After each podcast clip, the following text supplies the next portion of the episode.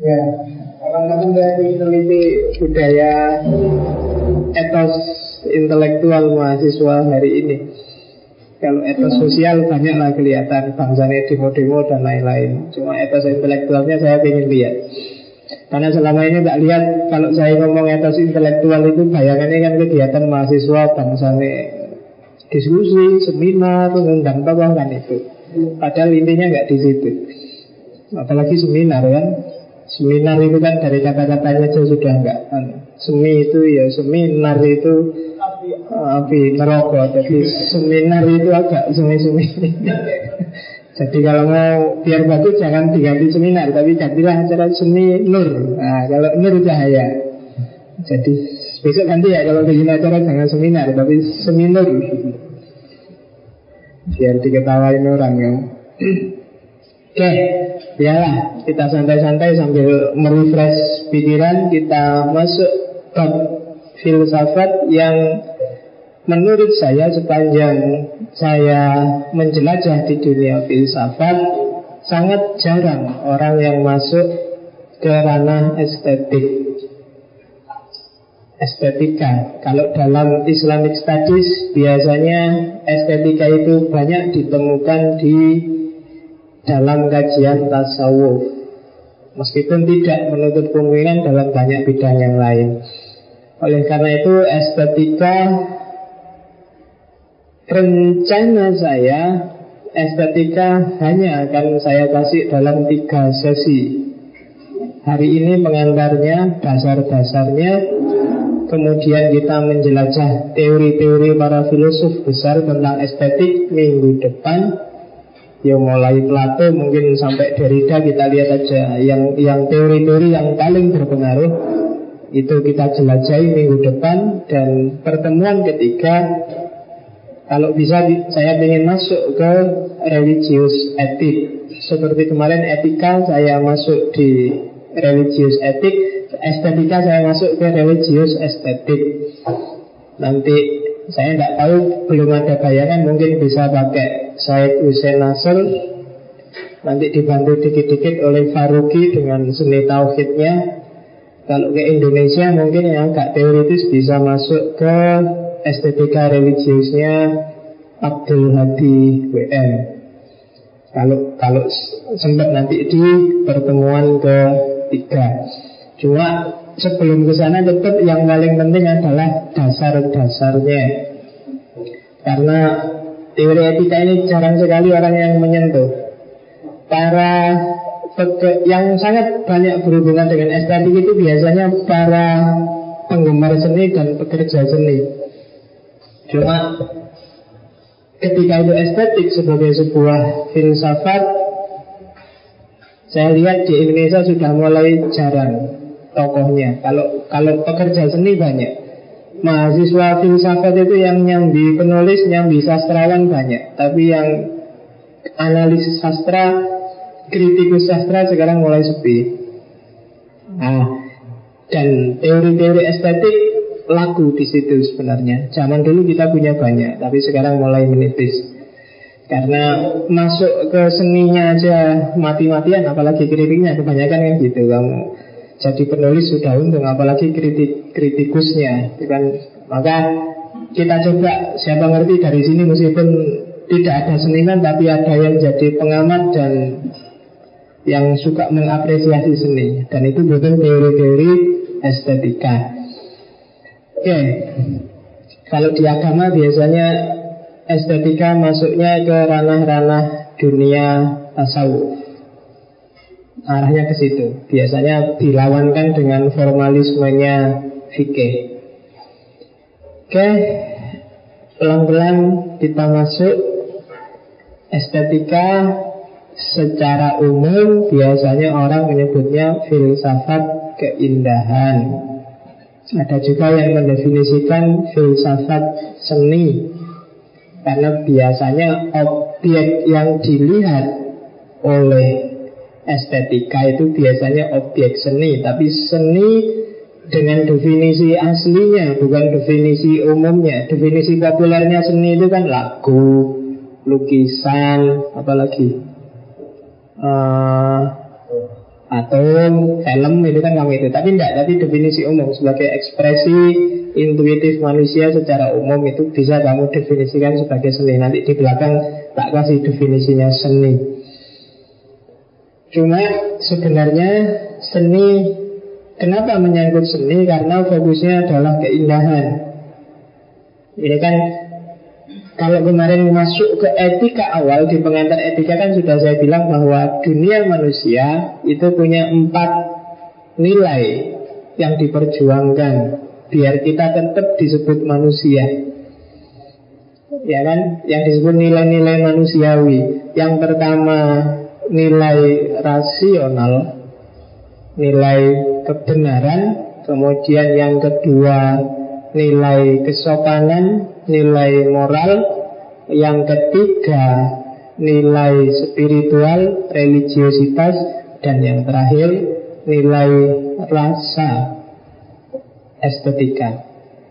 Jadi ini hubungannya dengan rasa.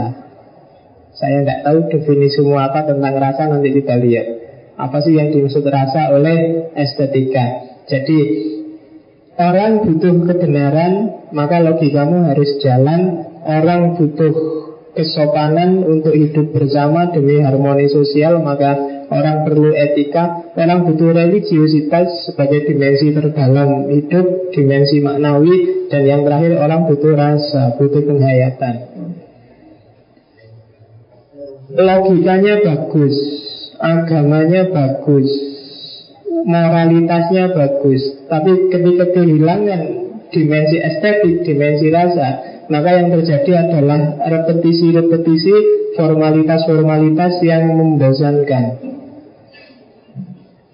Dalam hidup banyak kamu Misalnya kenapa sih kok belajar itu kamu tahu Belajar itu bagus, bermanfaat, luar biasa Logika diperintahkan oleh agama dan sangat bermoral Tapi kenapa kamu sering-sering bosan mocok disuruh belajar juga males beres. Kenapa kamu nggak menemukan keindahan dalam belajar?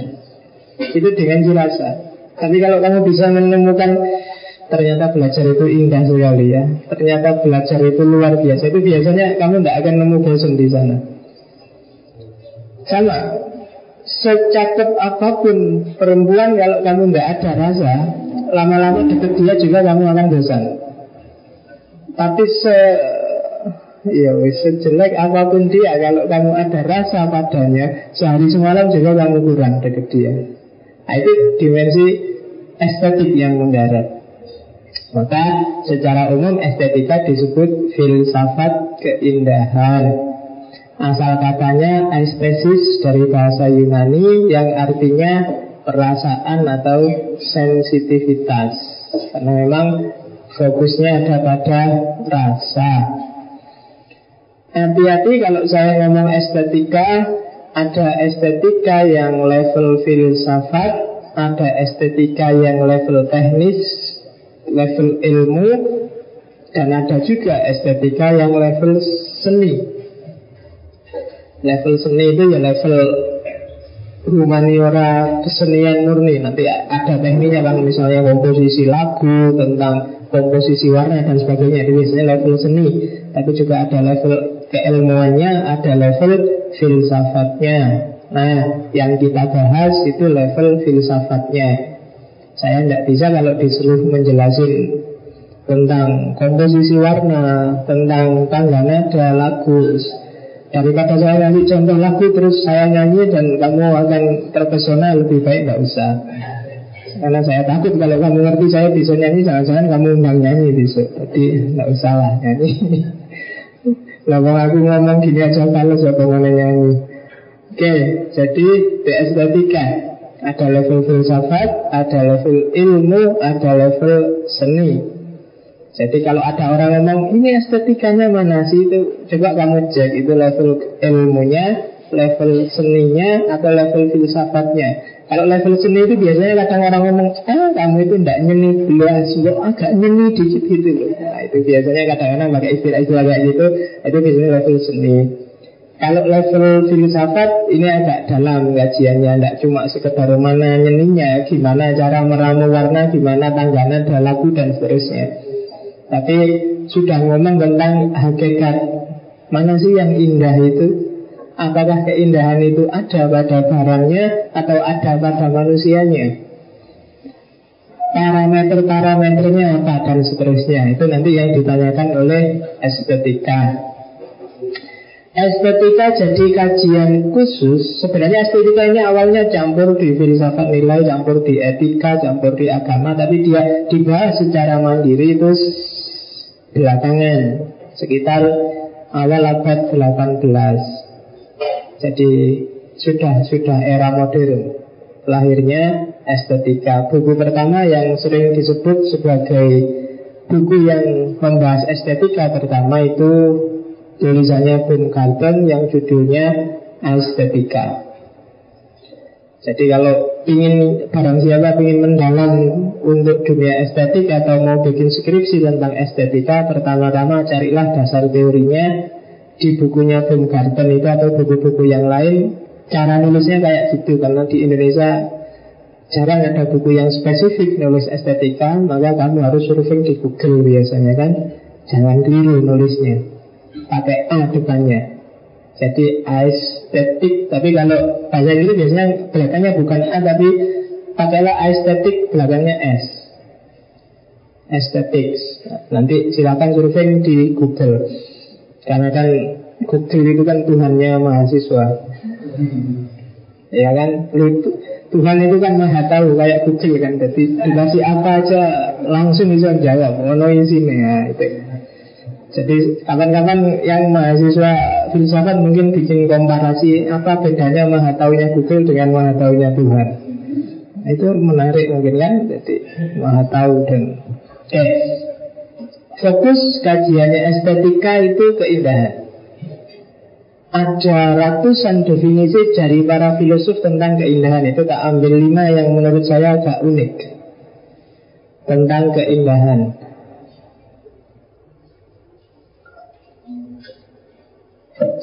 Ada Herbert Reed. Herbert Reed itu mendefinisikan keindahan, tapi definisinya keindahan yang objektif. Jadi keindahan itu satu kumpulan relasi yang selaras dalam satu benda dan antara benda itu dengan si pengamat. Jadi indah itu kalau ada sesuatu yang serasi, selaras, harmonis dan dia juga serasi selalas harmonis dengan pengamatnya.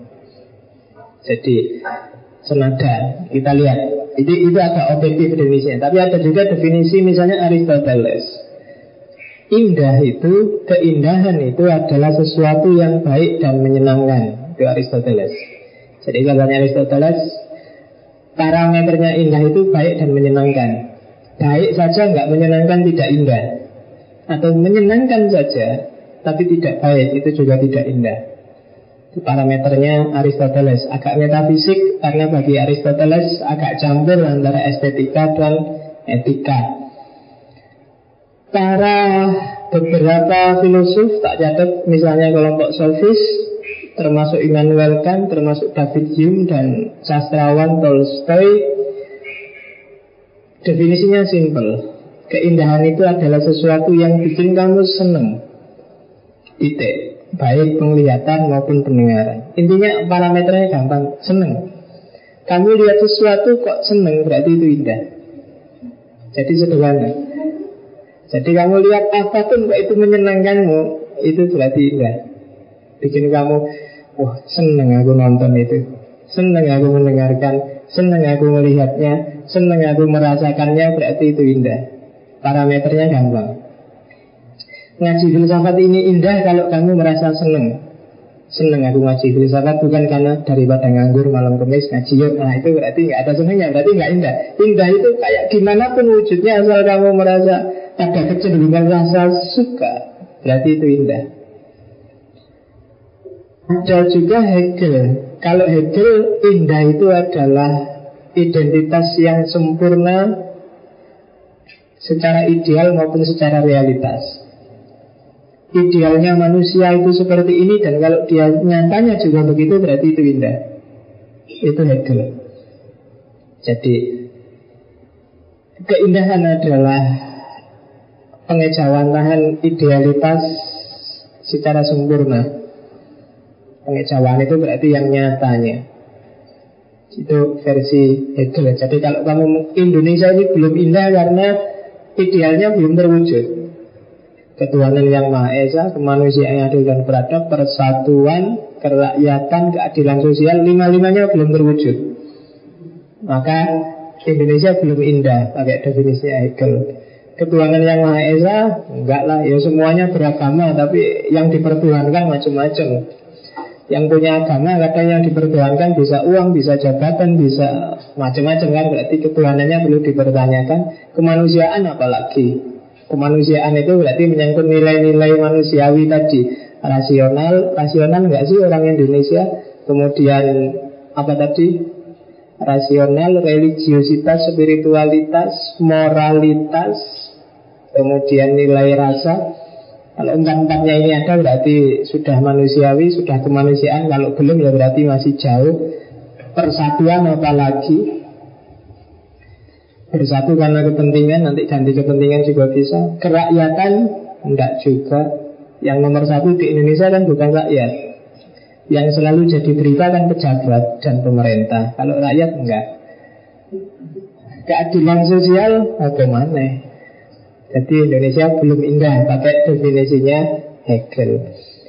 Ada definisi terakhir, ya ini yang mendefinisikan Michelangelo, seniman, pematung yang terkenal. Katanya dia sederhana, indah adalah ketika segala yang tidak proporsional, segala yang berlebihan hilang. Itu pasti indah. Segala yang pas itu pasti indah. Jadi Keindahan adalah ketika Segalanya berada dalam paradigma yang sesuai. Yang berlebihan disisihkan Yang kurang dipenuhi. Itu indah. Ruangan ini misalnya nanti Habis ini ada lima orang datang Nggak indah kan? Banyak yang lewat juga nggak indah. Yang indah itu kalau pas Kursinya 50 yang duduk 50 Itu indah jadi saya nggak tahu yang datang terakhir nggak kebagian PSD.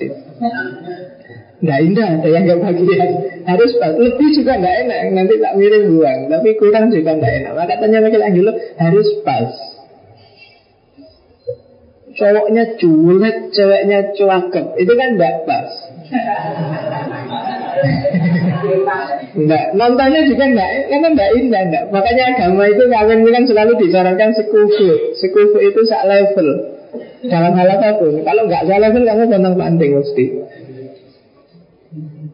Sekolah enggak pernah dapat istri atau suami profesor itu mesti jungkir balik. Karena enggak sekufu. Iya, karena makanya agama itu di antara syarat yang di beberapa kita pikir disebut itu harus sekufu. Kenapa? Untuk menghindari ketidakinahan itu tadi. Jadi ya makanya sebelum nyari pacar itu ya kamu ya rada-rada anu lah diukur sih gitu loh. Jadi biar pas. Jangan terlalu jauh jaraknya. Kalau terlalu jauh juga nggak enak. Usia juga gitu kan satu tua, satu terlalu tua, satu terlalu muda juga nggak enak. Satu terlalu tinggi, satu terlalu rendah juga nggak enak kayak satu koma nanti. ya, jadi nggak enak. Jadi harus pas lah. Maksud nyari istri juga gitulah. Ya boleh kamu saya idealnya yang tinggi putih, iya. Tapi ngukur kamu juga karena kalau terlalu kontras kasih yang dirimu. Jadi, oke. Okay.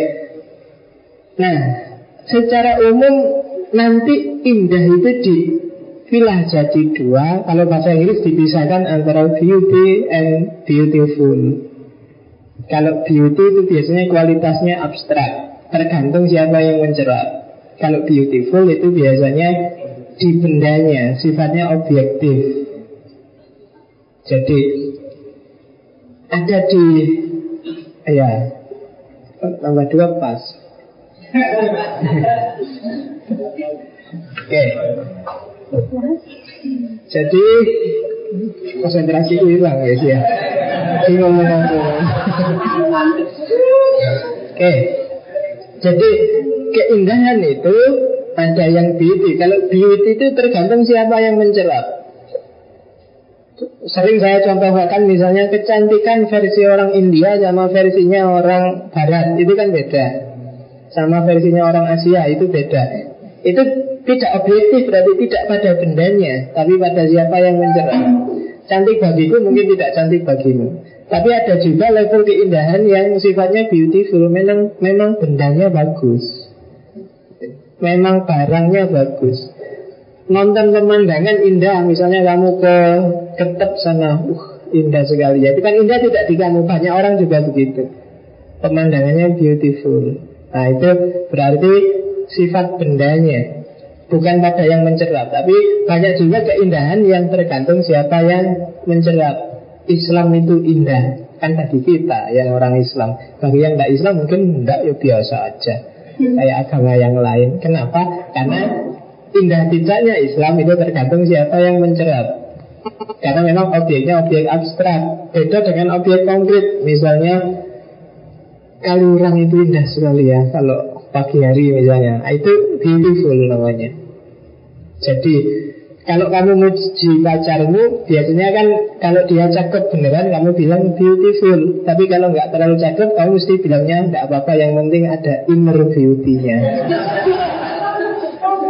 Nah kan jadi nyari inner tapi innernya bukan inner beauty itu tapi inner beauty. Karena beauty itu ya tergantung aku yang lihat yang tergantung objeknya. Jadi itu keindahan sebenarnya nanti ini nanti yang jadi debat luar biasa belakangan antara objektivitas dan subjektivitas seni musik dangdut itu enak pada dangdutnya atau tergantung siapa yang mencerap. Nah itu kan nanti debat orang. Gitu. itu sudah asik dangdutnya sendiri pak. Ya enggak, yang enggak suka dangdut juga enggak seneng sama dangdut. Nah itu nanti debat. Para filosof juga punya pandangan yang beda-beda dan macam-macam. Jadi fokusnya keindahan Cuma nanti ada berbagai pendapat Berbagai pandangan Juga berbagai filosofi tentang keindahan. Ya, Nanti kita akan ketemu Filosofi-filosofi ini minggu depan. Kayak gimana pendapatnya Plato Pendapatnya Derrida Pendapatnya Kant dan lain sebagainya. Oke. Nah Domainnya sekarang keindahan Kalau saya ngomong kajian tentang tidak muat ya mas, tidak apa-apa wes. Boleh pangku-pangkuan asal jangan cowok-cewek. Oke. Okay. Kajian keindahan itu bisa dalam arti luas, bisa dalam arti kalau di bukunya memang dalam arti yang murni, bisa dalam arti yang terbatas dalam arti luas itu berarti segala hal itu sebenarnya adalah objek dari keindahan. Seni, moral, alam, bahkan intelektual. Kalau tadi keindahan itu disebut adalah wilayahnya rasa, maka sebenarnya segala yang ditanggapi oleh rasa itu berhubungan dengan keindahan. Dan seni ya apalagi kan kamu nonton film, kamu lihat lukisan itu kan seneng ya. Indah sekali lukisan, indah sekali lagunya, indah sekali itu kan keindahan seni. Keindahan moral, kalau lihat orang sopan, kalau lihat apa orang rukun, kalau lihat orang damai itu kan indah, kamu seneng. Kan kan ada acara TV yang judulnya damai itu indah, itu kan sebenarnya keindahan moral. Kamu cari itu damainya di mana, indahnya di mana nggak ada. Kenapa? Karena yang disasar adalah keindahan moral. Kalau lihat mahasiswa sopan itu kan seneng Wah, kalau datang sambil nunduk-nunduk ke rumah sopan apalagi bawa salak 5 kilo itu kan indah sekali. nah itu keindahan moral namanya. Ada juga keindahan alam pastilah keindahan alam itu kan kamu lihat laut, kamu lihat gunung, kamu lihat dan seterusnya. Keindahan intelektual, ilmu, wawasan baru, pengetahuan itu indah.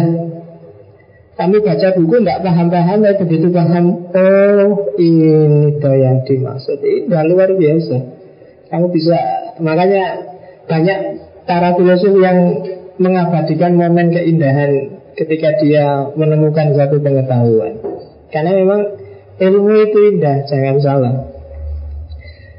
Kalau kamu belum merasakan, carilah di mana sisi-sisi intelektual yang indah. Filsafat mungkin karena kamu selama ini nggak paham bagi kamu cuma ruwet aja Tapi bagi yang bisa menangkap satu dua wawasan Satu dua pengetahuan dari filsafat Oh iya ya gitu dong maksudnya. Itu kan nyaman, seneng. Dari nggak paham jadi paham. Makanya tadi parameternya antara yang disebut kesenangan. Begitu kamu nyaman, begitu kamu suka Ada keindahan di sana. Oke Dan keindahan itu ya kadang di objeknya, kadang di kamu macam-macam, tapi yang jelas ada rasa indah di sana. Ada juga itu arti luas. Jadi kalau saya ngomong indah bisa ke mana-mana, cuma ada juga aslinya yang disebut keindahan itu sebenarnya pengalaman setiap orang, pengalaman estetik, pengalaman rasa. Jadi objeknya adalah manusianya. Jadi pengalaman estetik setiap orang. Mungkin tidak indah tapi orang bisa merasakannya jadi indah. Itu biasanya arti estetika yang sebenarnya. Karena tadi kan aslinya dari kata estetis Bahasa Yunani yang aslinya rasa. Jadi keindahan pengalaman estetis. Bagaimana seseorang mengalami keindahan dalam hidupnya dalam berbagai bidang. Itu biasanya arti aslinya estetika. Tapi ada juga arti yang terbatas biasanya keindahan itu terus dihubungkan dengan visual dihubungkan dengan penceratan indrawi. Kamu lihat film yang bagus lihat pemandangan bagus mendengarkan lagu enak dan seterusnya itulah yang kamu sebut keindahan. Iya tidak salah cuma itu berarti definisi yang terbatas. Kalau di Yunani biasanya dibagi dua. Ada yang namanya simetria ada yang namanya harmonia kalau simetria itu indah di mata, kalau harmonia itu indah di telinga. Ya meskipun kadang-kadang istilah harmonis itu kan ditafsirkan macam-macam, tapi asal katanya harmonis itu indah di telinga. Makanya ada alat musik namanya harmonika. Itu sebenarnya untuk menyamankan telinga. Harmonia. Kalau simetria itu indah di mata makanya simetris itu kan biasanya terpadu dan enak dilihat. Kalau nggak simetris itu nggak enak. Yang nggak simetris itu kayak tadi cowoknya 180 ceweknya 140 itu kan nggak nggak indah nggak simetris nggak pas. Ceweknya kalau noloh cuma lihat udel terus udel. Wajahnya nggak ada. Nanti kasihan. Karena nggak simetris jadinya nggak indah. Oke okay. jadi Berarti estetika itu bisa dalam arti yang sangat luas. Para filosof Yunani itu banyak yang mengartikan secara luas. Ada juga dalam arti yang murni modern. Itu biasanya masuk kajian psikologis, masuk kajian filsafat Itu biasanya estetika di level kedua itu. Dan ada juga yang dalam arti yang terbatas. Ini nanti estetika sebagai ilmu Estetika sebagai seni itu banyak di arti yang terbatas tadi dan secara filosofis nanti kita sebenarnya ada di yang tengah dalam arti yang murni atau beberapa filosof masuk juga ke yang atas. Tapi jarang filosof yang terbatas di makna yang ketiga. Biasanya masuk paling puncaknya ada dalam arti yang luas. Itu keindahan. Nanti kalau di estetika religius bahkan agama itu indah, pengalaman keagamaan itu sangat indah. Makanya puncaknya agama itu kan tidak di fikih tapi di pengalaman spiritual. Dan pengalaman spiritual itu kenapa disukai? Karena indah. Kenapa muncul satu hat? Kenapa muncul tari saman dan macam-macam? Itu sebenarnya kan karena estetika religius. Pengalaman agama itu indah. Itu biasanya masuk di level estetika dalam arti yang lebih luas. Oke ya, itu domainnya. Jadi ada definisinya, ada fokusnya, ada domainnya. Nah, parameter atau kualitas utama dari keindahan itu secara umum biasanya orang menyebut ada lima. Yang pertama unity, yang kedua harmoni, yang ketiga simetri, yang keempat balance, yang kelima kontras. Jadi biasanya otakmu untuk memahami indah dan tidak indah itu pakai lima patokan ini. Yang pertama unity, kesatuan, keutuhan. Dilihatnya indah biasanya. Otakmu memahaminya kalau ada kesatuan itu kelihatannya indah. Kalau ada keutuhan itu indah. Ruang kelas ini kelihatannya indah karena semuanya ngadep ke sini. Hanya satu yang ngadep ke sana. Jadi masih bisa dipahami indah. Tapi kalau macam-macam ada nanti yang sana ngadep ke sana, yang sini ngadep kamu mesti ini kelas nggak karu-karuan ini mesti. Kenapa? Karena nggak ada unity di sana. Gitu. Nggak ada kesatuan, nggak ada kesepakatan, nggak ada kebersamaan. Nah itu unity namanya. Eh, maka anarki itu kan banyak dibenci karena nggak bersatu, nggak utuh. Masing-masing punya visi sendiri-sendiri, nggak enak, nggak indah. Jadi akal memahaminya sebagai tidak indah, tidak luar biasa, harus harus menyatu. Jadi diakui atau tidak diakui antara unity dan anarki akal tetap mirip lebih indah yang unity yang jadi satu baik dari banyak variabel maupun hanya cuma dari dua variabel kamu sama orang tuamu kan dua. Itu kalau enggak, enggak unity enggak, kelihatannya enggak indah. Bapaknya punya cita-cita apa anaknya cita-cita apa mesti terus konflik dan konflik itu enggak indah. Kamu sama pacarmu juga gitu. Kalau nggak unity juga nggak indah. Nggak punya kesatuan, nggak punya visi bersama.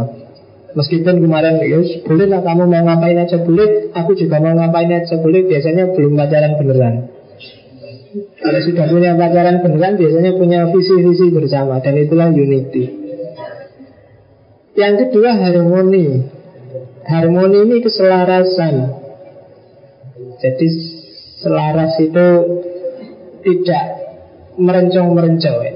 Jadi tidak kayak nada itu loh kan. Nada itu ada rumusannya tidak dari nada paling rendah terus ditambah nada paling tinggi kemudian balik lagi ke paling biasa nggak enak tapi tapi harmonis. Keluarga yang harmonis itu bukan berarti keluarga yang tidak ada dinamika. Ada dinamika tapi dinamikanya itu terkontrol. Itu harmoni teman kamu boleh bikin dinamika dalam hidupmu mau aneh-aneh saya kan bebas mau ngapain aja. Tapi harus in harmoni. Untuk bisa harmoni kami harus ngerti lainsnya ngerti ngerti pijakannya ngerti patokannya makanya agama itu dikasih misalnya dikasih pokoknya patokan utamanya Quran patokan utamanya hadis mau ngapain aja boleh asal jangan tabrakan dengan dua ini nah itu maka orang beragama sangat dinamis tapi harmonis. Kenapa harmonis? Ada patokannya ini loh, garisnya. Ada macam-macam tapi masih kelihatan harmonis. Orang Indonesia mau ngapain aja boleh asal jangan nabrak Pancasila misalnya. Maka selama nggak nabrak Pancasila, oh enggak, itu masih harmonis kok, masih. Begitu nabrak Pancasila baru disebut tidak harmonis. Keluarga juga begitu. Harus punya garis yang disepakati bersama Dan mau ngapain aja boleh Asal tidak nabrak garis ini tadi ya, Itu biasanya disebut selaras Selaras ini kan sesuai dengan yang sudah digariskan Makanya orang beragama itu kan Apalagi di Islam kamu disuruh baca Fatihah kan dinas sirotol mustaqim itu kan biar tetap di garis Bukan berarti kamu nggak bisa macam-macam boleh Asal nggak keluar dari garis Itu namanya harmoni ada simetri, simetri keterpaduan. Keterpaduan itu berbeda boleh asal terpadu. Simetri itu kan yang satu di kanan, satu di kiri, tapi terpadu. Jadi tidak tidak saling nabrak. Terpadu itu kan maksudnya nempel dan dengan beda ini terus bisa maju. Kayak terpadu itu kayak bendera Indonesia satu merah satu putih dan dipadukan punya makna yang baru. Itu namanya simetris, keterpaduan. Dalam hidup kami berhadapan dengan banyak orang yang beda-beda Harus tetap harmoni, punya visi bersama dan terpadu Ketika itu terpadu berarti ya, saling menghargai, jalan bersama dan tidak saling ganggu Itu simetris Kemudian balance, balance itu seimbang jadi seimbang itu kalau sini 20 ya sini bobotnya 20 Ketika tidak seimbang biasanya Ketidakseimbangan biasanya bikin tidak bersatu, bikin tidak harmoni, bikin tidak simetris. Harus seimbang. Dan yang terakhir kontras. Kadang-kadang diperlukan kontras. Kontras itu perbedaan tadi bukan untuk saling tabrak, tapi saling mendukung. Kontras itu belakangnya harus hitam, depannya harus dikasih putih sebelum nulis hitam lagi. Karena kalau hitam dikasih hitam lagi hilang. Itu berarti tidak ada kontras. Hidup juga begitu. Jangan semuanya jadi filosof. Kalau semuanya jadi filosof dunianya rusak disuruh kerja bakti nggak mau kartu mikir terus rusak. Ya ono sing filosof ono sing fikih ada yang sosiolog gitu. Itu namanya ada kontras-kontras nanti tinggal dipadukan tidak ditabrakkan tapi dipadukan karena hidup ini kompleks. Jadi itu indah nanti. Kalau ada unity ada harmoni ada simetri ada balance ada kontras akan jadi indah jadi sekali-sekali kalau kamu bahas Nanti tadi saya bilang bikin semi Nur bukan seminar Nah itu bikinlah seminar yang Membahas masalah itu Secara estetika Solusi problem korupsi dari aspek estetika misalnya. Nah, Itu masukkan aja itu Unity, mana unity, mana harmoni, mana simetri. Ketika orang Korupsi itu mana aspek keutuhan yang runtuh, mana harmoni yang kacau, mana simetri yang tidak pas, mana keseimbangan yang jatuh, mana kontras yang keliru dan Nah itu enak. Kenapa sih Islam ini sebenarnya bagus? Luar biasa secara ideal. Realitasnya kok tidak karu-karuan? Mungkin orang keliru dalam meramu tadi. Meramu kesatuan Meramu harmoni Meramu simetri balance, kontras. Sunni si itu harusnya berpadunya seperti apa secara simetris. Gimana caranya meskipun dua-duanya punya kekuatan tapi agar balance tidak saling jatuh menjatuhkan. Kemudian di ranah sosial gimana kontrasnya biar bagus dan harus tetap unity yang sama-sama Islam dan secara harmonis punya visi bersama untuk kemajuan Islam. Nah, itu kalau bisa masuk dari sini luar biasa. Cuma orang kan biasanya masuknya tidak dari estetika tapi dari fikih. Jadi ya susah kalau dari fikih ya perhitungannya jadinya formalitas. Padahal formalitas itu kan nilai-nilai umum yang general ketika diterjemahkan dalam realitas itu biasanya sesuai konteks masing-masing. Pasti akan muncul variabel-variabel yang beda-beda dan itu butuh kualitas estetika yang luar biasa biar wajahnya tetap indah. Tapi ketika kehilangan estetika ya jadi jelek. Nah itu jadi estetika membahas ini aspek keindahan yang biasanya variabel-variabelnya ini. Para filosof berbeda-beda ketika ngomong tentang kualitas estetis, kualitas keindahan, tapi biasanya cuma beda istilah atau mungkin satu dua dikurangi. Ada yang bilang ya harmoni sama simetri itu sama aja. Ada yang bilang balance sama kontras itu sama. Ya monggo. Tapi intinya ya akan lepas dari lima itu. Kalau tidak unity ya harmoni. Kalau nggak harmoni ya simetri balance atau kontras. Oke. Sekarang persoalan-persoalannya. Ini semacam tema temanya Tema yang pertama estetika itu tentang aesthetic values. Nilai-nilai estetik. Biasanya yang dibahas itu Keindahan itu subjektif atau objektif sih? Ukuran indah dan tidak indah itu apa?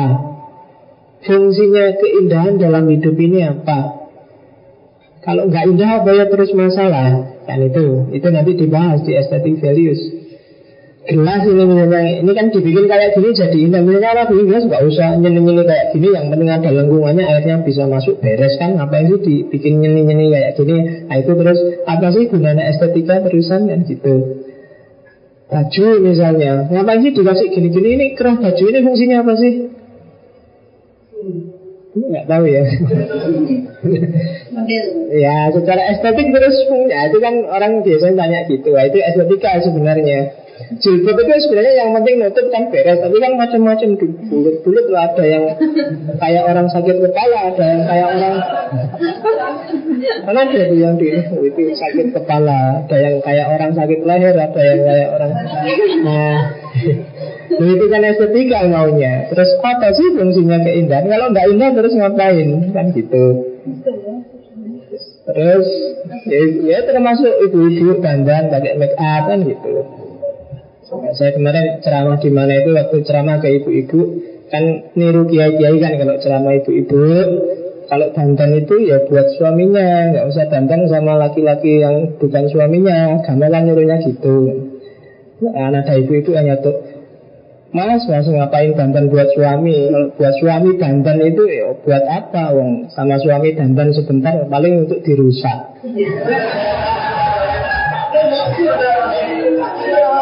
Eh, ya ngapain? Di rumah dandan untuk dirusak. Ya suaminya kan nggak bisa dandanannya. Susah jawabnya aku bisa loh eh ya suaminya sih. Oke Kemudian Bagaimana hubungan antara keindahan dengan kebenaran dan kebaikan? Itu nanti dibahas oleh estetik values Yang kedua Pengalaman estetik. Estetik experience. Jadi apa sih pengalaman estetik itu? Cirinya seperti apa apa sih harus dihargai apa enggak? Cara menghargainya seperti apa dan seterusnya. Itu pengalaman estetik. Ada juga tentang seniman. Jadi manusianya. Orang yang melahirkan karya estetik. Gimana cirinya? Proses penciptaannya. Variabel-variabel yang mempengaruhi karya dan sebagainya. Itu masuk juga dalam kajian estetika Ya karena seniman dibahas, seni juga pasti dibahas. Sifat dasarnya, nilainya, dan sebagainya. Jadi nanti ada yang membuat teori bahwa filsafat seni itu tersendiri dari estetika Hanya dia bagian dari estetika. Jadi kalau estetika itu filsafat keindahan Di bawah filsafat keindahan ada subbab namanya filsafat seni tapi ada yang bilang ya enggak ya sama saja. Keindahan itu sifatnya Objeknya adalah seni. Nah, tapi kan macam-macam objeknya. Bisa intelektual, bisa moral iya. Tapi ketika dia jadi objeknya rasa Maka dia bisa disebut sebagai seni. Oke, kalau bahasa Inggrisnya art. Kalau di Indonesia istilah seni. Saya tidak tahu kata dasarnya apa Meskipun orang Indonesia yang tidak karu-karuan Karena kadang-kadang seni juga diartikan Enceng Jadi itu orang Indonesia itu ya wis. Karena kalau air seni kalau di Indonesia kan bukan air yang indah dan nikmat untuk dilihat. Itu jadi nggak enak. Saya nggak tahu. Kamu sekali sekali meneliti lah yang kayak gitu gitu gimana sih ya kok jadi susah ya yang ahli filsafat bahasa besok juga dikaji sejarah kata-kata seni.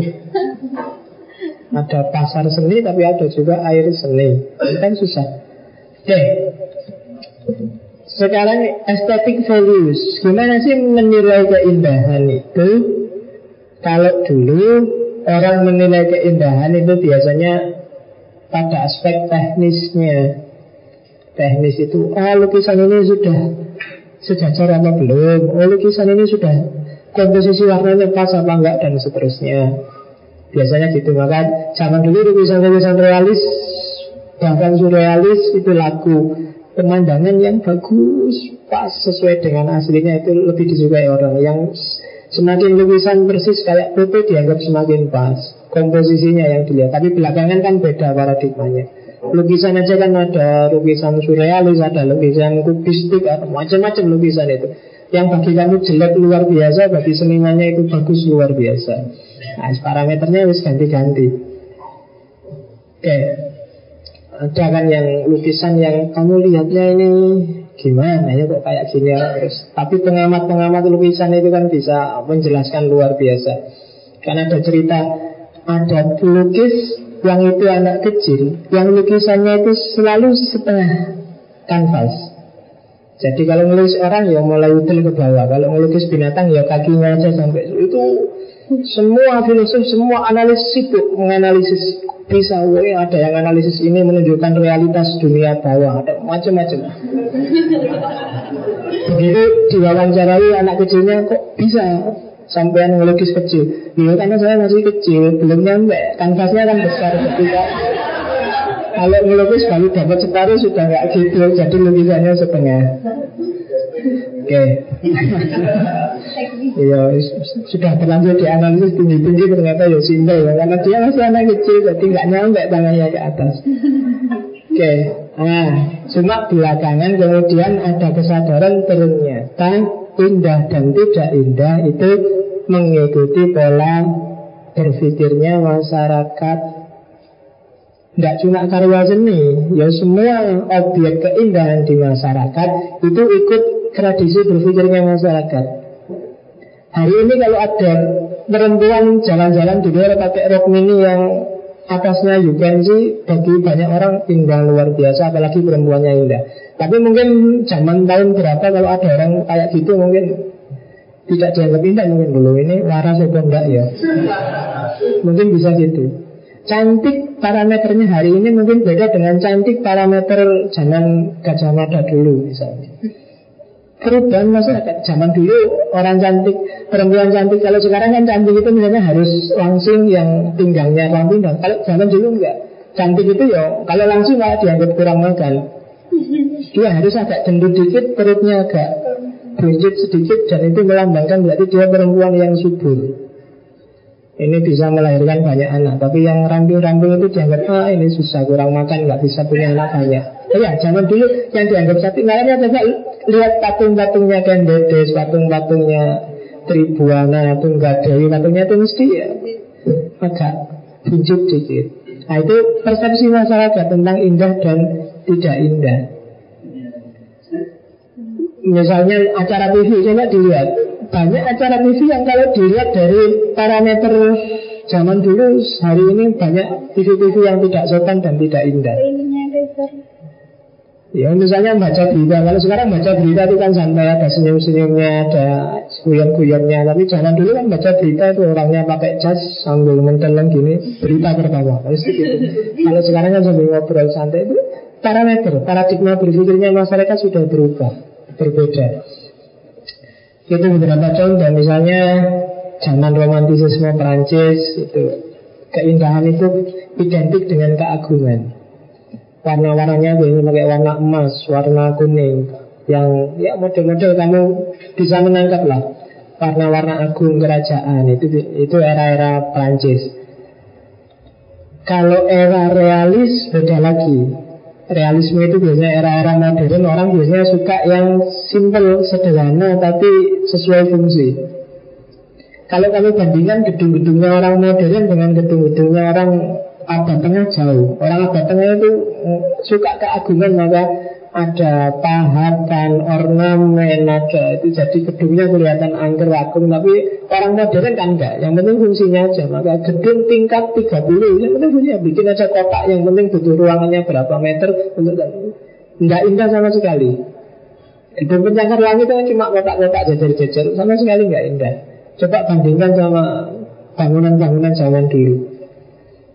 Ukiran-ukirannya konstruksi modelnya konstruksi atapnya. Sekarang ya pokoknya di mana mana model kotak-kotak. Karena fokusnya yang penting fungsinya mau buat apa gitu aja kan. Kemudian ini salah satu contoh aja. Termasuk yang tak kasih contoh di Belanda gimana komposisi ruang komposisi warna jadi masalah dan seterusnya. Jadi dari aspek objektif ke bendanya belok ke pola pikirnya masyarakat. Nah, Parameternya indah Tadi kan dari banyak filosof Secara umum Itu kesenangan dan ketenangan batin. Maka Banyak filosof yang bilang Keindahan itu subjektif sebenarnya parameternya. Batinmu lagi tenang ya Jadi indah. Kalau batinmu lagi galau Jadi tidak indah. Banyak kan hal yang Kayak kamu lagi berbunga-bunga Maka dunia ini indah sekali. Tapi begitu putus dunia ini gelap semua. Maka kesenangan dan ketenangan batin. Meskipun objeknya jelek luar biasa Yang satu bagus luar biasa Tapi mood hati, mood rasa menentukan Parameter keindahan. Misalnya kamu lagi boncengan sama pacarmu kalau ada jalan lubang-lubang geronjal-geronjal dan gelap dibandingkan jalan yang lurus, mulus dan terang, kamu milih mana? ya kan? Jadi jalan yang lubang-lubang, geronjal-geronjal dan peteng itu bagi kamu lebih indah daripada jalan yang lurus, terang dan mulus. Apa? Karena kamu suka dan senang di situ. Geronjal-geronjal malahan ya Kalau ada nggak geronjal kamu cari yang geronjal Kalau pas lagi gonceng deh. Nah, jadi jalannya jelek tapi bagi kamu indah luar biasa. Eh, Indah sekali jalan ini Kalau pas lagi boncengan.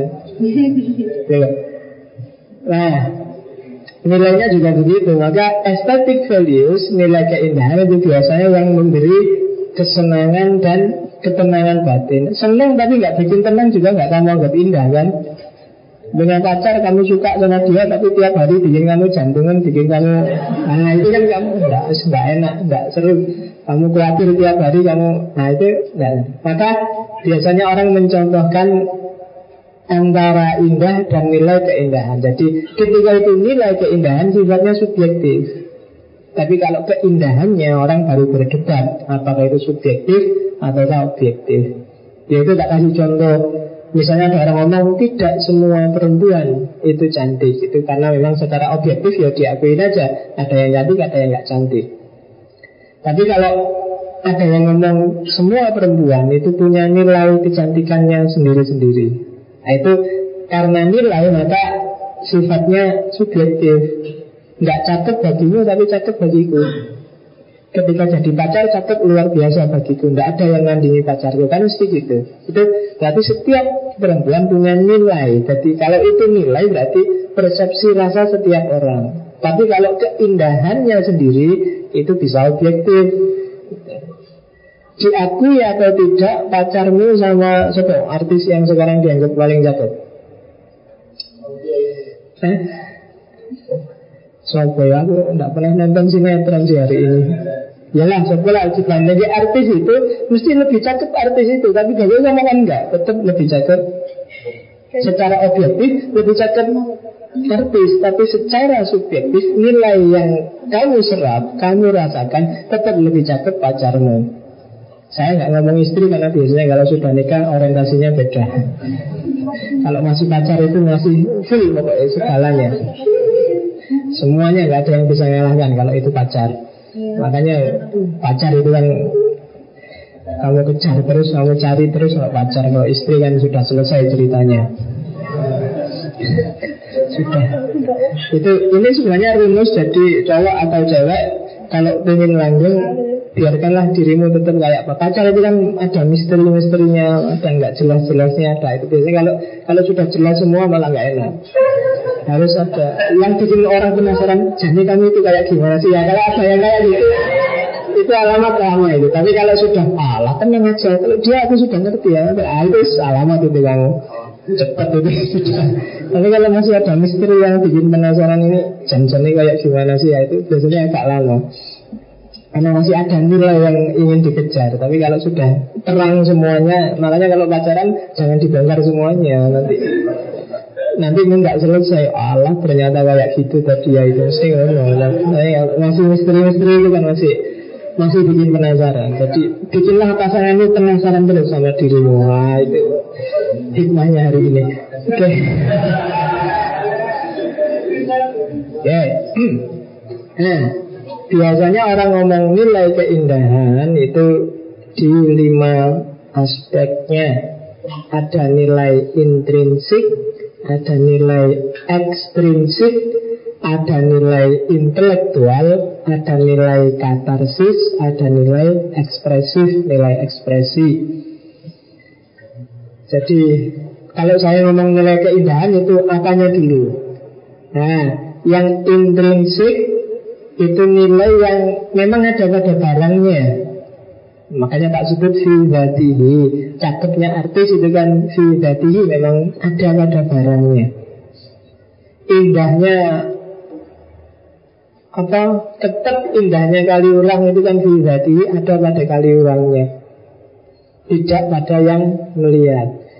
Jadi itu nilai keindahan intrinsik. Ada juga yang nilai keindahan ekstrinsik Itu kalau hadis itu liwairihi, soheh liwairihi Jadi dia indah karena yang lain Jadi aku suka sekali nonton film itu Kenapa? Karena artisnya mirip pacarku Nah itu ini berarti bukan filmnya yang bagus karena kamu yang menyerap menganalogikannya dengan yang lain. Atau kebalikannya, aku suka dia karena dia mirip dengan pacarku yang dulu. Nah, itu berarti sebenarnya dia nggak suka pada itu, cuma ini ada nilai keindahan karena yang lain mirip pacarku yang dulu.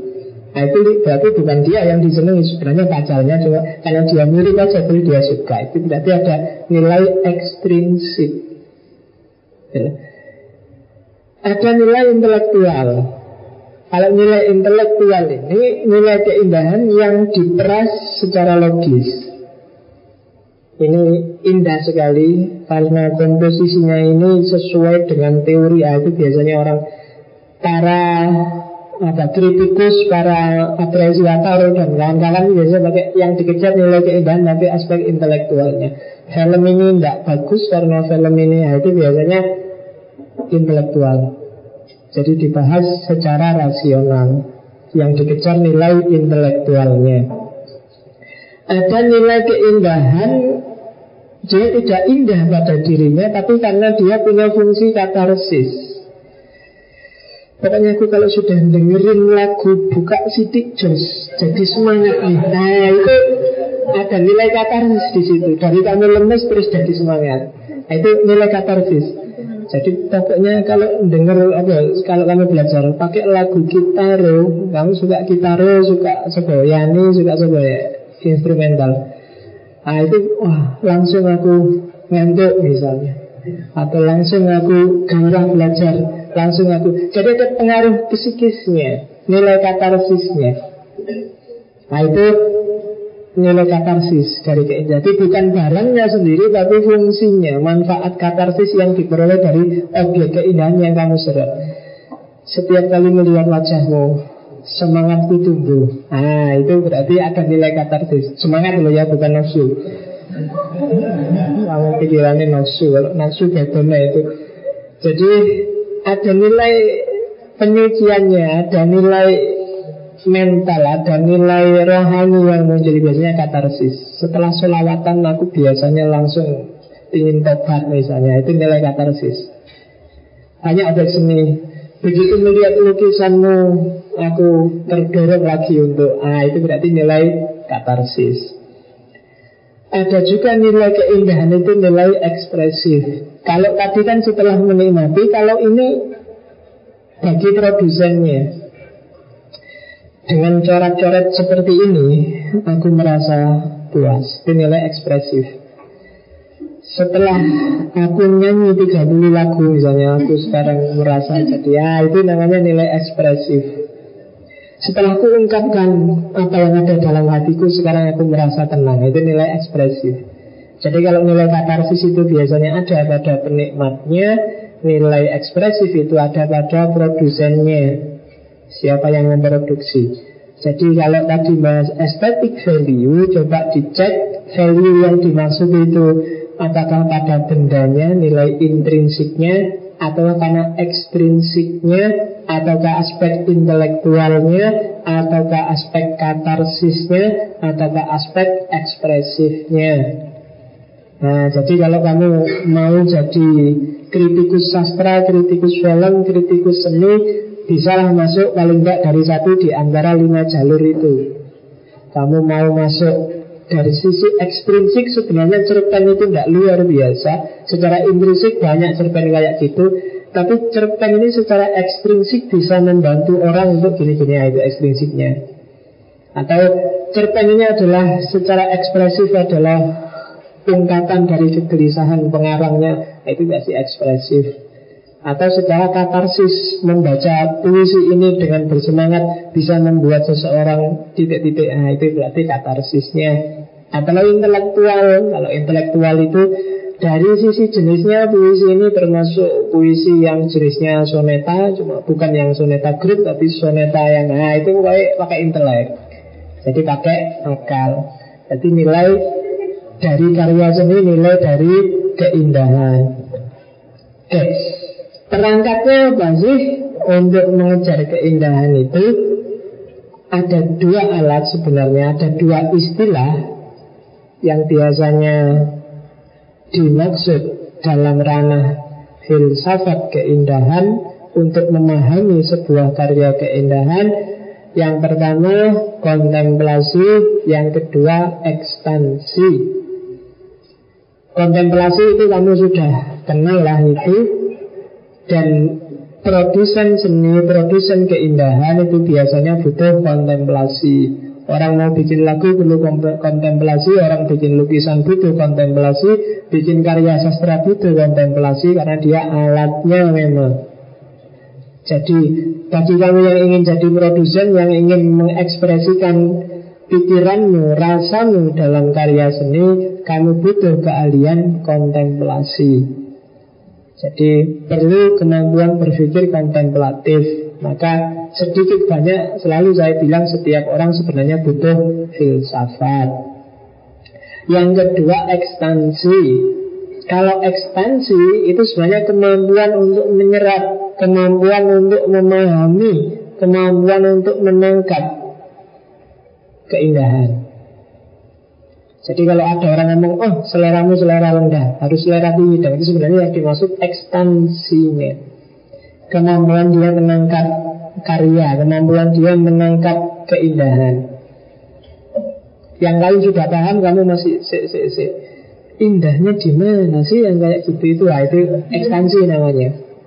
Yang lain sudah ketawa sejak tadi kamu baru oh, oh itu yang dimaksud terus ketawa nah itu ekspansi namanya. Jadi kemampuan menangkap karya menikmati keindahan. Jadi yang satu alat untuk memproduksi yang satu alat untuk memahami. Dan setiap orang kapasitasnya beda-beda. Beda-bedanya karya seni itu karena beda kemampuan kontemplasi dan ekspansi. Sama-sama penyanyi dangdut antara Oma Irama dan Inul Daratista itu kan beda produksinya, gayanya, modelnya. Kenapa? Karena kontemplasinya beda-beda. Gaya kontemplatifnya juga beda-beda. Sama-sama sastrawan, ya hasilnya beda-beda tergantung gaya kontemplatifnya sama-sama suka musik rock mungkin ada yang sukanya biasa-biasa aja atau musik rock grup rock yang mana ada yang rock yang suka slow ada yang suka rock yang tinggi rock yang tinggi itu. Orang ngerti jenis musik rock rock yang tinggi. Ada yang suka slang ada yang suka Malaysiaan ada yang suka nah, itu ekspansi namanya. Kemampuan daya tangkap daya apresiasi karya seni. Baca lukisan juga begitu kan Kamu tidak bisa menikmati lukisan abstrak Tapi sangat menikmati kalau lukisan realis Lukisan nyata. Kalau orang ya gambar orang Bukan gambar ruruk-ruruk itu Tapi ada juga yang suka abstrak. Karena mungkin dengan abstrak Imajinasinya bisa bermain. Bisa ditafsirkan ke sana Tafsirkan ke sini. Ada yang suka kayak gitu. Jadi itu namanya Kontemplasi dan ekspansi. Nah ada dua teori besar untuk pemahaman eks, apa? Pemahaman estetika yang ekspansi tadi. Yang pertama namanya teori empati. Jadi teori empati itu kemampuan seseorang untuk memasukkan dirinya dalam objek yang dipahami. Namanya empati. Ini kan istilah yang sering kita pakai empati itu. Sering saya bilang empati itu beda dengan simpati. Beda juga sama Indosat. Kalau kalau empati itu memposisikan dirimu di posisi objek yang kamu pahami dan Empati mensyaratkan kamu pernah mengalami hal yang sama atau mirip. Kalau enggak susah untuk berempati. Kalau simpati, kamu pernah mengalami apa enggak bisa Karena simpati itu dari luar gelanggang Jadi misalnya ada temanmu dapat nilai E dan sepanjang hayatmu kamu nggak pernah dapat nilai E. Yang paling jauh bisa kamu lakukan menghibur dia itu namanya simpati. Ah nggak apa-apa sabar aja dapat nilai E. Enak aja kamu ngomong sabar-sabar. Kamu nggak ngerti rasanya dapat nilai E. Kenapa? Karena dia cuma bisa simpati. Yang nggak pernah ditinggal pacarnya nggak akan bisa empati pada temennya yang ditinggal pacarnya. Apalagi yang belum pernah pacaran Jadi yang belum pernah pacaran, belum pernah patah hati sebenarnya tidak berhak untuk menghibur yang sedang patah hati. Kenapa? Karena tidak bisa empati, paling bisa simpati. Jadi empati itu ya nama lainnya introjection and feeling bahasa Jermannya auto projection simbolik simpati. Jadi memasukkan dirimu pada objek yang kamu baca. Jadi baik itu objek yang menyenangkan maupun objek yang menyedihkan. Empati itu kalau kamu nonton film, orang yang punya kemampuan empati tinggi, kalau filmnya sedih dia ikut nangis, kalau filmnya lucu dia ikut ketawa-ketawa. Tapi minimal kamu punya daya empati. Tapi orang yang nggak punya daya empati ya lihat film sedih, ala film pura-pura itu. Nah, itu Nggak enak kan kamu nonton film kayak gitu kan. Kamu nggak bisa orang film sedih ikut nangis kan Karena dia memasukkan dirinya di sana.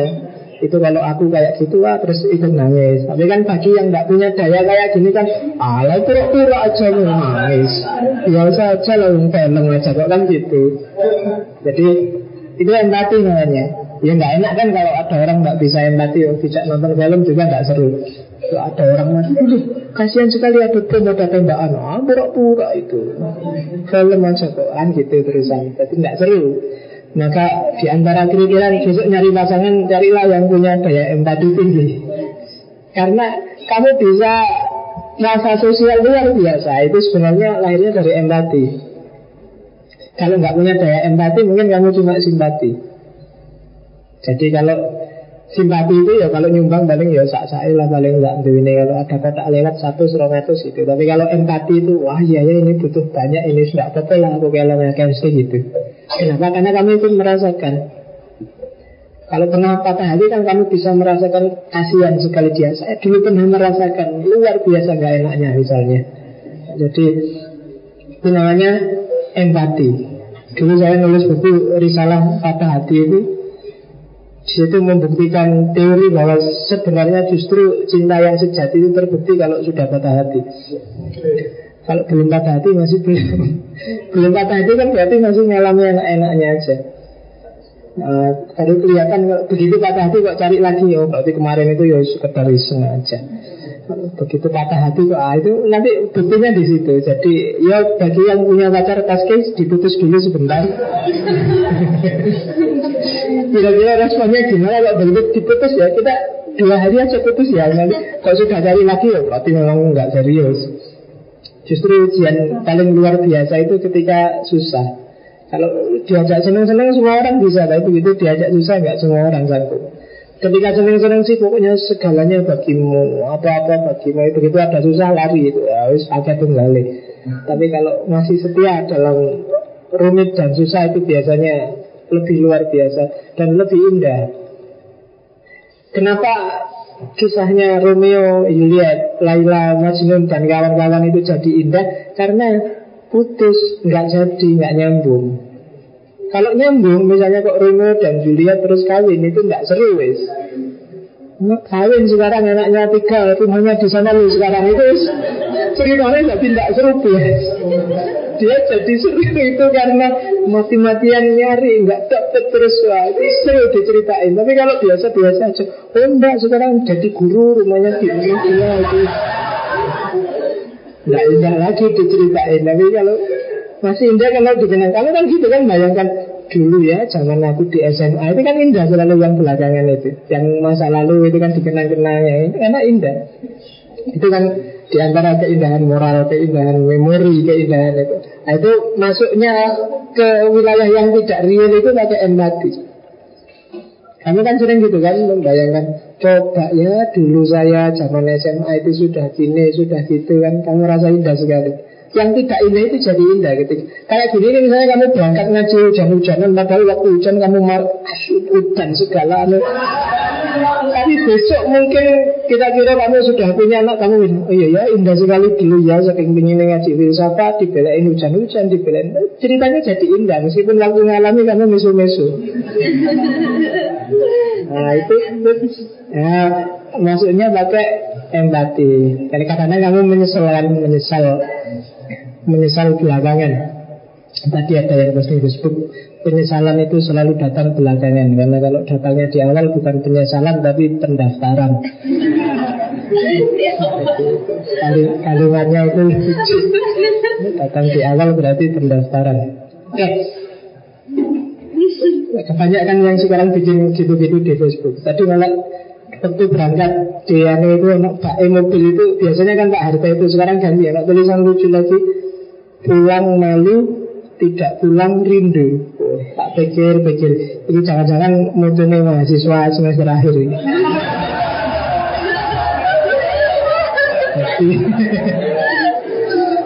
Lah ya kan itu kan. Pulang malu Tidak pulang rindu. Berarti Taruh Bali ya isin Ditangani skripsi orang barbar Tapi kalau nggak pulang itu kayak rindu Okay. Nah, teori empati ini sebenarnya subjektif tapi ada juga dimensi objektifnya. Yang subjektif itu kamunya yang melakukan empati, yang objektif itu ya objek yang kamu serap. Nonton film itu ya semua filmnya kan objektif. Dan kenapa dia objektif? Tanggapannya tiap orang juga sama. Kalau filmnya nangis-nangis ya semuanya ikut nangis-nangis. Jadi itu objektif sebenarnya objeknya Cuma empati yang dilakukan setiap orang itu subjektif. Ya, Ada yang sedihnya tingkat berapa Ada yang sedihnya tingkat berapa dan sebagainya Mungkin ada sedih tingkat 5, sedih tingkat 4, sedih tingkat 7 kan gitu. Karena mental itu kan inten namanya intensitas. Setiap orang beda-beda. Sama-sama galau Kalau kamu galau tingkat 7 Kalau ini galonya baru tingkat 3 Kalau ini galonya tingkat 1 kan gitu. Itu namanya intensitas sama-sama cakep kalau ini cakepnya 8 kalau ini cakepnya 7 kalau ini cakepnya 6 misalnya. Nah, itu intensitas. Teorinya namanya teori empati. Teori empati cenderung subjektif. Teori estetik yang kedua namanya teori physical distance Bedanya sama yang empatik tadi Kalau yang empatik tadi nyuruh kita masuk ke objeknya Kebalikannya di teori kedua justru nyuruh kita ambil jarak. Baik dari diri kita maupun dari objeknya. Tujuannya biar pemahamannya tidak terpengaruh oleh subjektivitas si pengamat. Jadi namanya teori physical distance. Jadi mengambil jarak fisik jadi kalau ingin memahami sesuatu biar pemahamannya tidak salah, ambil jarak dari dirimu sendiri karena kita itu kan punya pendapat, punya persepsi, punya pandangan dan macam-macam. Nah ini singkirkan dulu, ambil jarak dari dirimu, terus baru baca objeknya. Kalau kamu cara berpikirnya keras, singkirkan dulu kerasnya, pahami objeknya. Kalau kamu ahli fikih, kamu ahli filsafat, ahli tasawuf, singkirkan dulu fikihnya, tasawufnya, fikihnya, baca objeknya. Baru kita akan bisa memahami objek seni, objek keindahan secara lebih pas. Selama ini yang sering jadi masalah orang membaca sesuai kacamatanya sendiri-sendiri Sehingga objek keindahannya jadi beda Orang tidak bisa menangkap secara pas Jadi kebalikannya tadi Kalau di empati malah disuruh masuk Kalau di sini malah disuruh ngambil jarak karena yang satu paradigmanya objektif, yang satu paradigmanya subjektif. Kalau di empatik itu kuncinya ada si pengamat, kalau di yang teori kedua, di physical distance, itu kuncinya ada di objeknya. Objeknya harus pas kalau maunya sedih ya harus sedih. Nggak boleh tadinya sedih ditafsirkan jadi seneng. Karena teori kedua ini mengasumsikan orang itu sangat dipengaruhi oleh dirinya sendiri. Gitu. Kamu melihat fenomena menyedihkan Tapi hatimu lagi seneng Itu biasanya yang fenomena menyedihkan ini jadi biasa-biasa nggak terlalu menyedihkan Atau melihat fenomena menyenangkan Tapi hatimu lagi sedih jadi juga nggak senang. Yang lain ketawa kamu karena galau hatimu nggak sedih kamu jadinya ah segitu tawa segala buat apa sih cepet selesai sudah setengah sepuluh ini loh. Hmm. Iya kan? Jadi nggak bisa. Maka untuk bisa objektif ambil jarak dari dirimu. Jangan itu katanya physical distance. Memahaminya jangan dicampur. Biar objeknya jadi netral. Nah, itu pemahaman estetik. Nah, kalau tadi pemahamannya ini penikmatannya. Kalau tadi aspek kontemplasinya, ini aspek aksannya. Jadi menikmati dunia estetika itu ada empat level. Ada namanya subjektif relativity level. Ini level yang sangat subjektif. Level individu setiap orang. Jadi alasan-alasannya kenapa dia sebut indah, dia sebut enak, dia sebut nyaman itu karena alasan subjektif dia sendiri. Kenapa kamu suka film Naruto? Karena rambutnya Naruto itu mengingatkanku pada ah, itu ya, subjektif sekali itu rambutnya cok malah. Nah, yang lain mungkin nggak itunya, tapi kamu lihat itunya. Nah, itu subjektif. Kenapa kok kamu suka sama ngaji filsafat? Tehnya itu loh yang menurut saya itu individual sekali. Jadi, oke. Okay. Yang kedua, cultural relativity level. Jadi kamu suka atau tidak suka karena latar, latar belakang budayamu.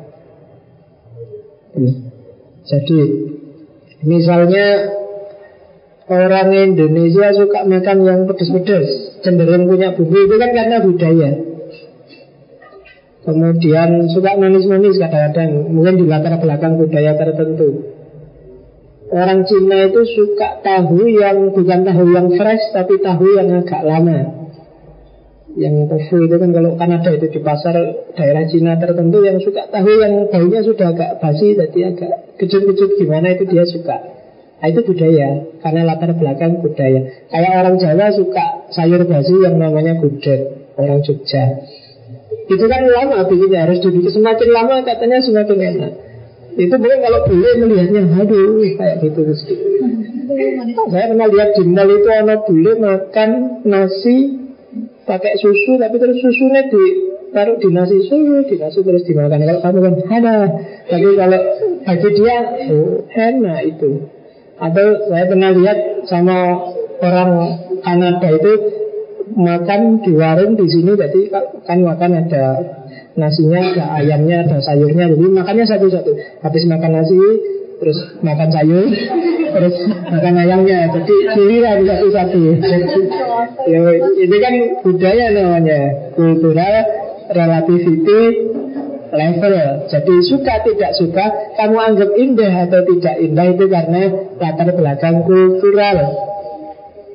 Yang biasa terdidik di pesantren, mungkin bagi kamu orang pakai sarung itu indah.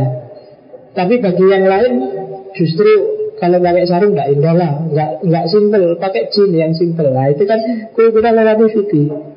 Saya katakan itu ke Madura. Madura itu hampir semua orang pakai sarung. Kemal itu pakai sarung.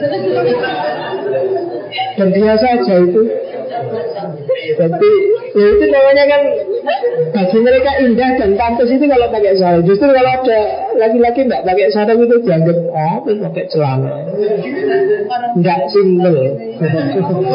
Kalau pakai sarung kan gampang Mau apa aja cepet. Kamar mandi cepet Mau cepet Apalagi kalau pakai jin nyopotnya aja nggak tak mati-matian. Ini kalau sarung kan gampang set. Nah itu cultural relativity level. Yang ketiga ada biological relativity level. Kalau ini biasanya pengamat.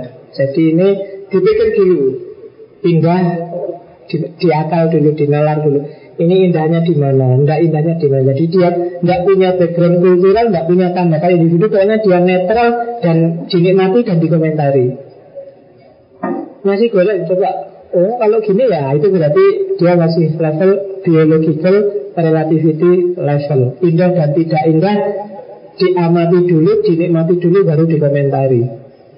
Dan level terakhir namanya absolute level. Absolute level itu biasanya nggak pakai diuji, nggak pakai dicoba, pokoknya sudah diasumsikan sejak awal.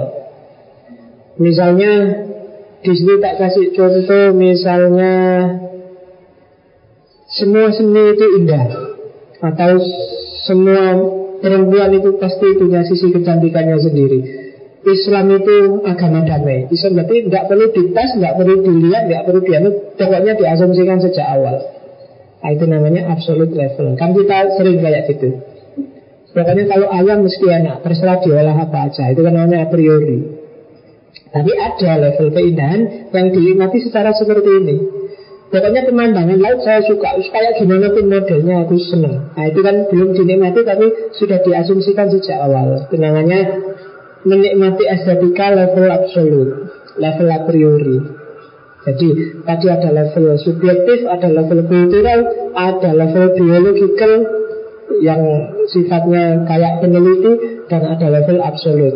Yang modelnya dogmatis a priori Oke dan Seni, iyalah itu. Silahkan kamu baca sendiri Mungkin minggu depan saya akan ngomong banyak tentang filsafat keindahan Filsafat seni dari para filosof.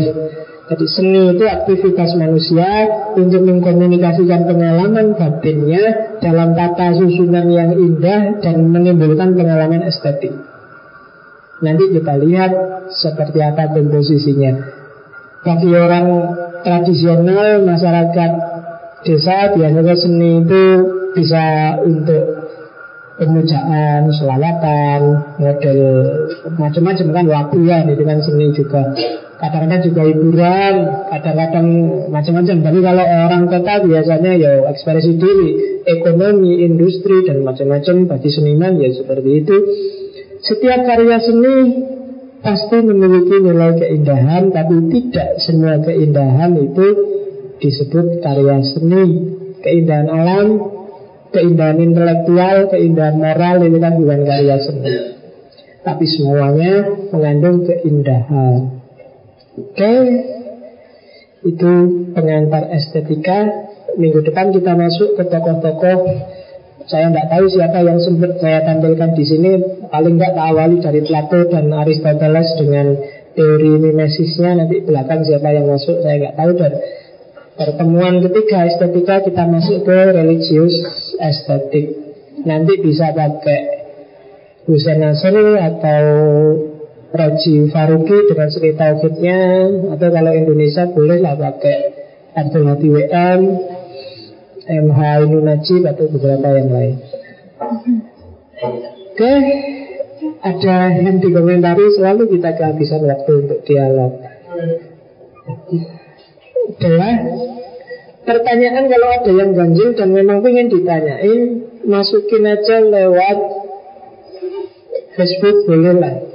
Cuma mention aku ya, atau diingetin lewat karena sinkronisasi di sini sering error. Jadi kalau ada berita baru di Facebook saya lupa buka biasanya. Kadang-kadang buka sudah. Jadi yang minta di add friend itu ratusan jadi yo. Serius, karena aku itu males, jadi kalau nggak anu kadang-kadang sekali tak tak awil oh, yes yes yes yes itu susu iki mau biar ya, kenal orang yang mana tidak apa asal penuh aja ya karena saya sempat ganti dulu yang awal itu ada setengah tak ganti yang sekarang itu jadi yang yang sudah minta di add belum tak add mohon maaf karena saya males jelim itu satu-satu tapi pakai SMS boleh kalau ada yang mau tanya. Kalau SMS lebih tak berarti karena langsung ketemu aku. Tapi kalau Facebook mungkin seminggu bisa cuma dua tiga kali tak buka. Saya kira itu ya. Mohon maaf kalau ada yang kurang berkenan. Biasa lah, biasa serius-serius. Kita belajarnya itu silahkan yang besok ujian belajar ya Jangan alasan karena ikut ngaji ini terus nilainya jelek Jadi belajar yang serius belajar betul lulus Siapa ngerti kalau sudah lulus ganti aku di sini wong ya. Kan nggak bisa terus-terusan saya di sini. Oke, saya akhiri sekian. Wallahul muwafiq, wallahu a'lam bishawab. Wassalamualaikum warahmatullahi wabarakatuh.